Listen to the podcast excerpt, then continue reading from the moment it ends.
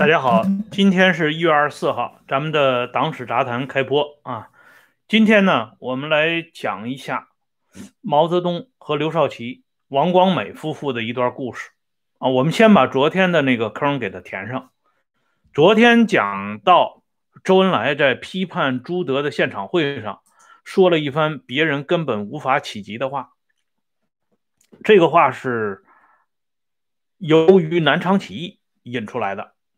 周恩来说：“南昌起义就是有错误嘛？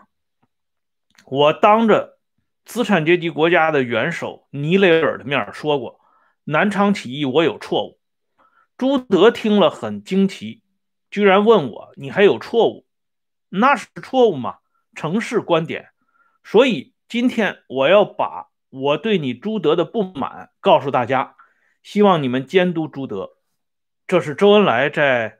一九六六年五月二十三号这天，在人民大会堂批判朱德现场会上公开说的话有记录的，所以通过这段话，我们可以看到啊，周恩来当时实际上已经意识到，所谓项庄舞剑，意在沛公。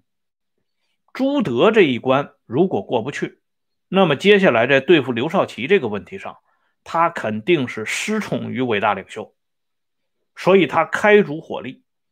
专门挑别人没有注意的细节，把它挖掘出来，直接搞到朱德的头上。这样一看啊，朱德不仅在井冈山时候就已经成为失足，那么从南昌起义的时候，朱德就开始怀疑伟大领袖的农村包围城市。所以周恩来表面上是检讨自己城市观点，其实是把朱德。一直以来的这套做法一笔勾销，所以在众多批判朱德的这些高级领导人当中，咱们的恩来同志真的是很厉害啊，出了一支奇兵。所以这个记录谈话记录报送到伟大领袖那里之后，伟大领袖心里更有底了，恩来同志。时时刻刻都会站在他这一边的。那么回过头来，我们再来看，因为毛一直担心朱德和刘少奇之间的联手，所以他要先拆分朱德。不光是拆分朱德，甚至有一段时间，毛还做了另外一种打算，就是在必要的阶段要对。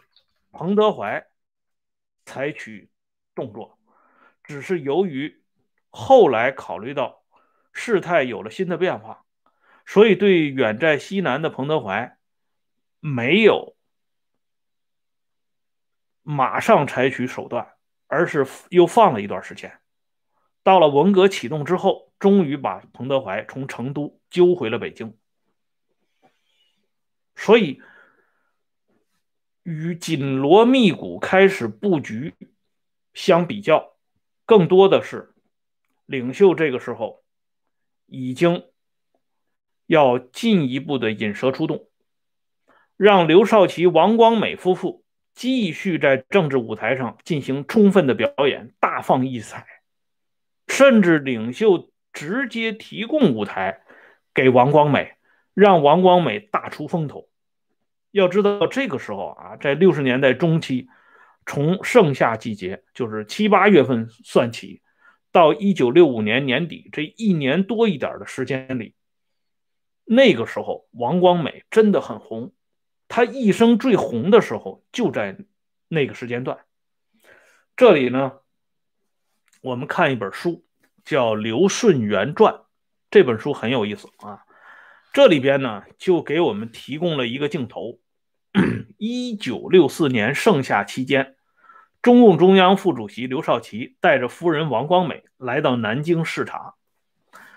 王光美应邀在南京军区大礼堂做报告，讲的就是他那套桃园经验。而听报告的是多少人呢？是中共江苏省委、江苏省政府、南京军区县团级以上干部。好几千人在这个大礼堂都挤不下来了。这么多人听王光美一个人做报告。我们知道，一九六二年一月份召开中央工作会议，俗称七千人大会，就是指这个会议的规模和覆盖程度。几千人在听这个中央领导同志做报告，可那是中央领导同志啊，而且中央领导集体是倾巢出动，以毛为首。可是这一次，大夏天。顶着这么热的日头出来听刘少奇的老婆王光美做报告，这是从一九四九年到六十年代中期长达十五年当中从来没有遇见过的一件事儿。而且江苏呢不是小地方，那是全国顶尖的富裕地区，在南京军区大礼堂的。王光美口若悬河，滔滔不绝。刘少奇听的是频频点头。这一幕有很多那些老干部、老家伙们在晚年写回忆录的时候都提到了。这个场景给大家现场印象太深了。有很多人在当时听完这个报告以后，直接就感觉到少奇同志马上就是接班了。哎，这伟大领袖看来彻底是要退二线了。就是说，伟大领袖让刘少奇、王光美夫妇充分表演，就到了这个程度。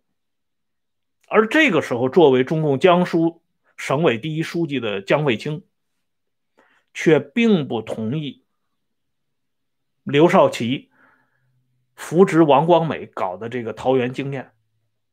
江卫清认为，江苏省的实际情况不允许把桃园经验全方位的嫁接过来，这样呢会打击面过大。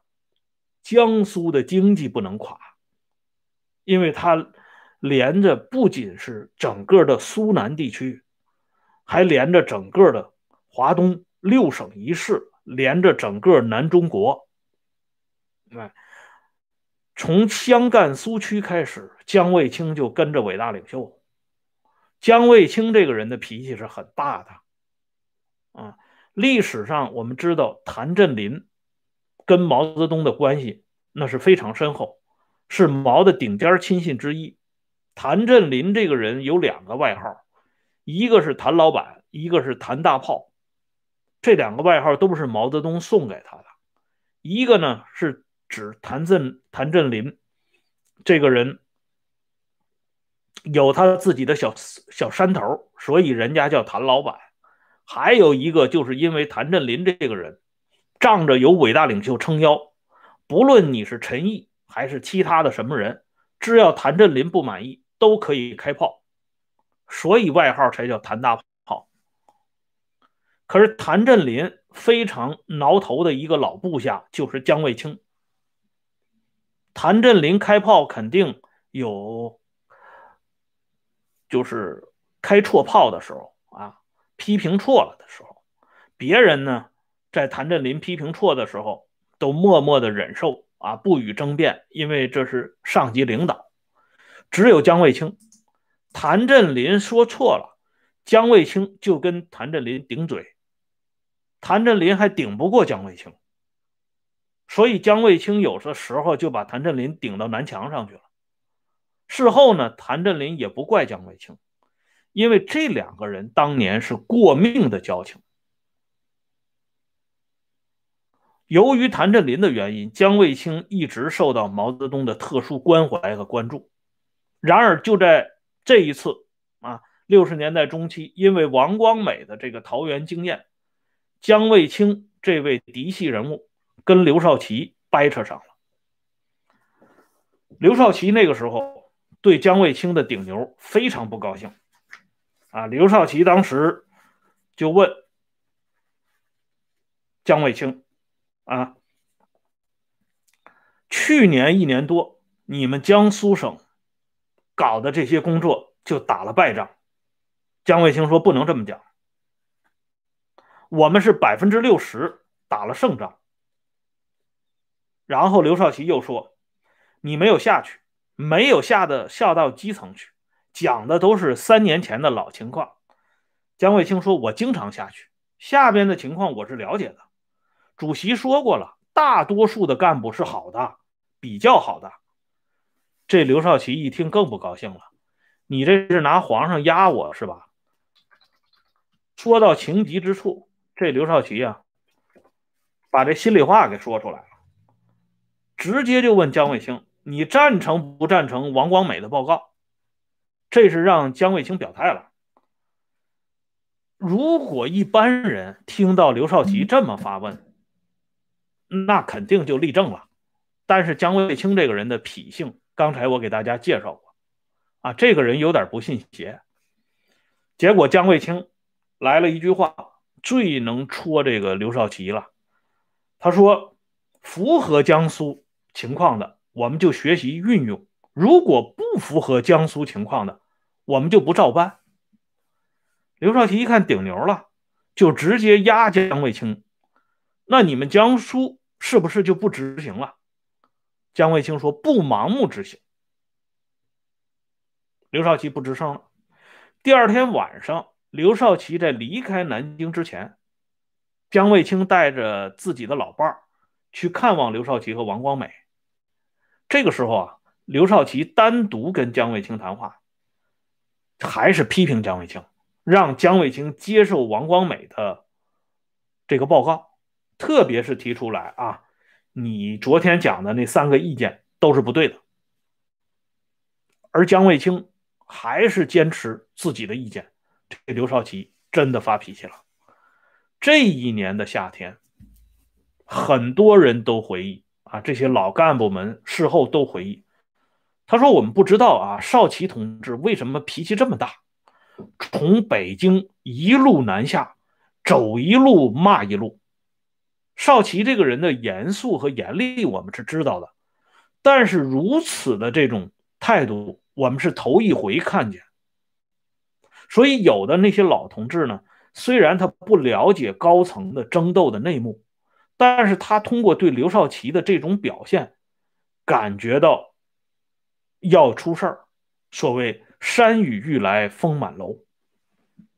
那姜卫清这个时候正好被刘少奇抓住把柄，成为刘少奇当时首先要打击的一个对象。而刘少奇当时在落实四清运动这这方面是下了决心的。刘少奇专门让中央组织部部长安子文传话：谁不下去蹲点儿，就不能当中央委员。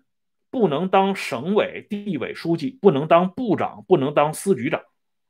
结果呢，一百八十多名正部长、副部长，一千多名司局长都下去蹲点儿了。伟大领袖看到这一幕以后，公开表态：我多次叫你们下去蹲点儿你们不听。少奇一句话，你们都下去了，还是少奇厉害。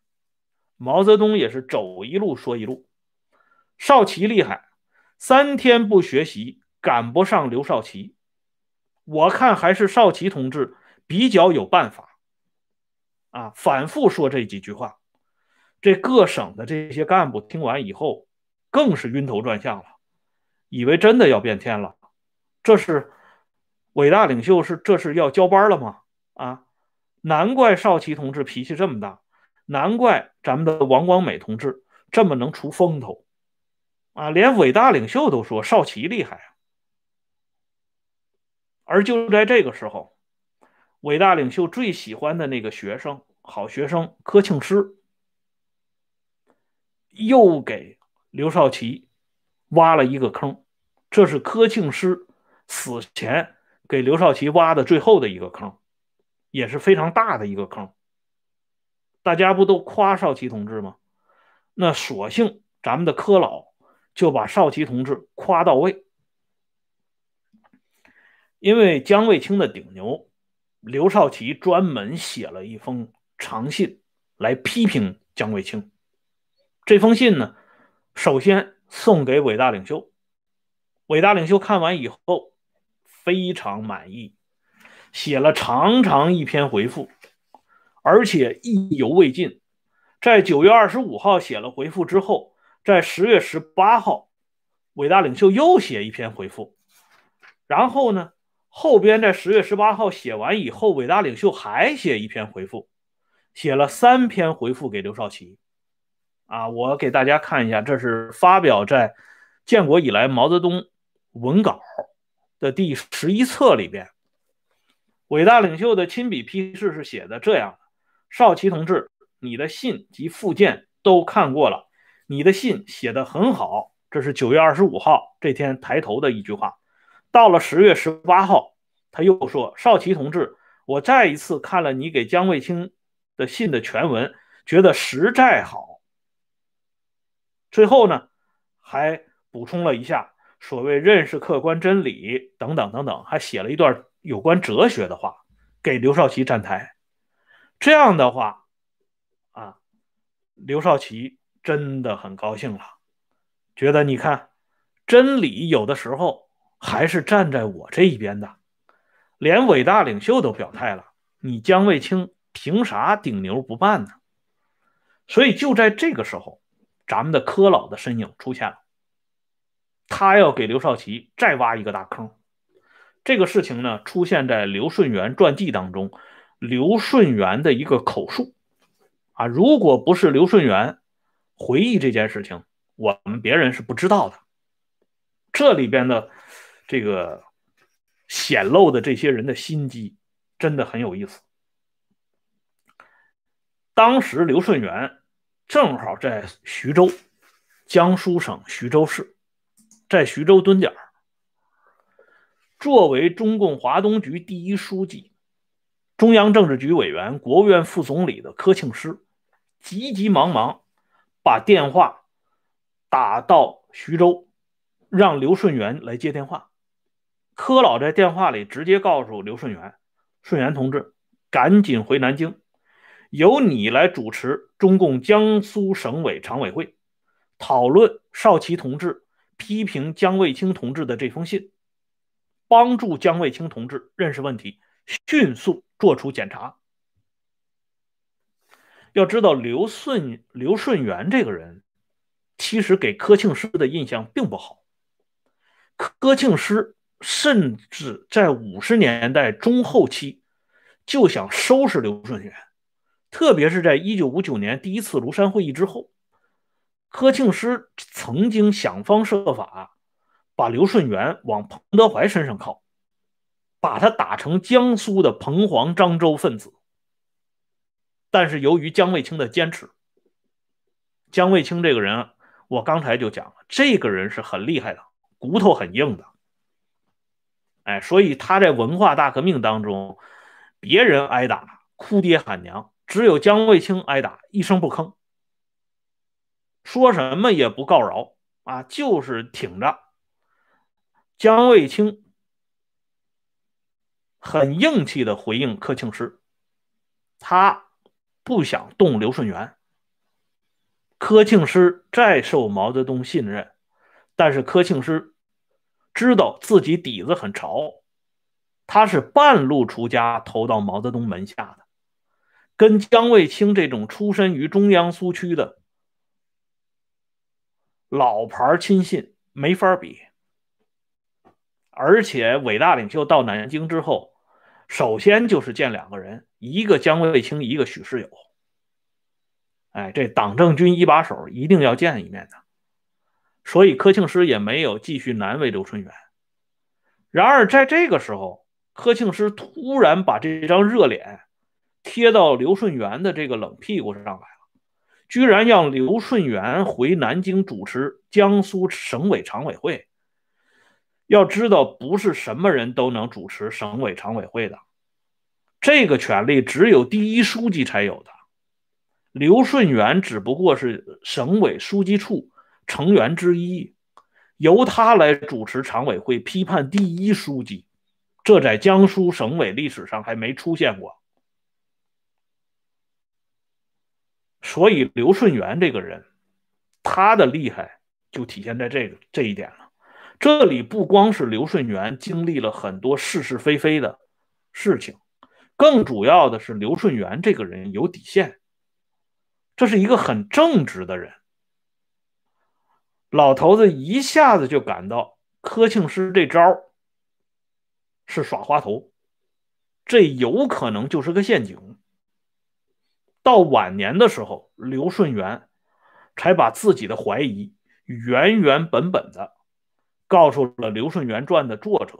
这样呢，我们才知道刘顺元的这个刘比刘少奇的这个刘真的是聪明多了。那么刘顺元是如何发现柯庆施的花招呢？咱们留待明天继续说。感谢朋友们上来支持和收看！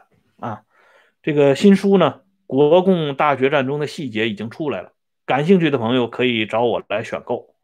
再一个呢，就是欢迎大家经常关注“温相说时政”会员频道，我们还要给会员频道加餐啊，每天都有更新。好了，谢谢大家，我们明天再见。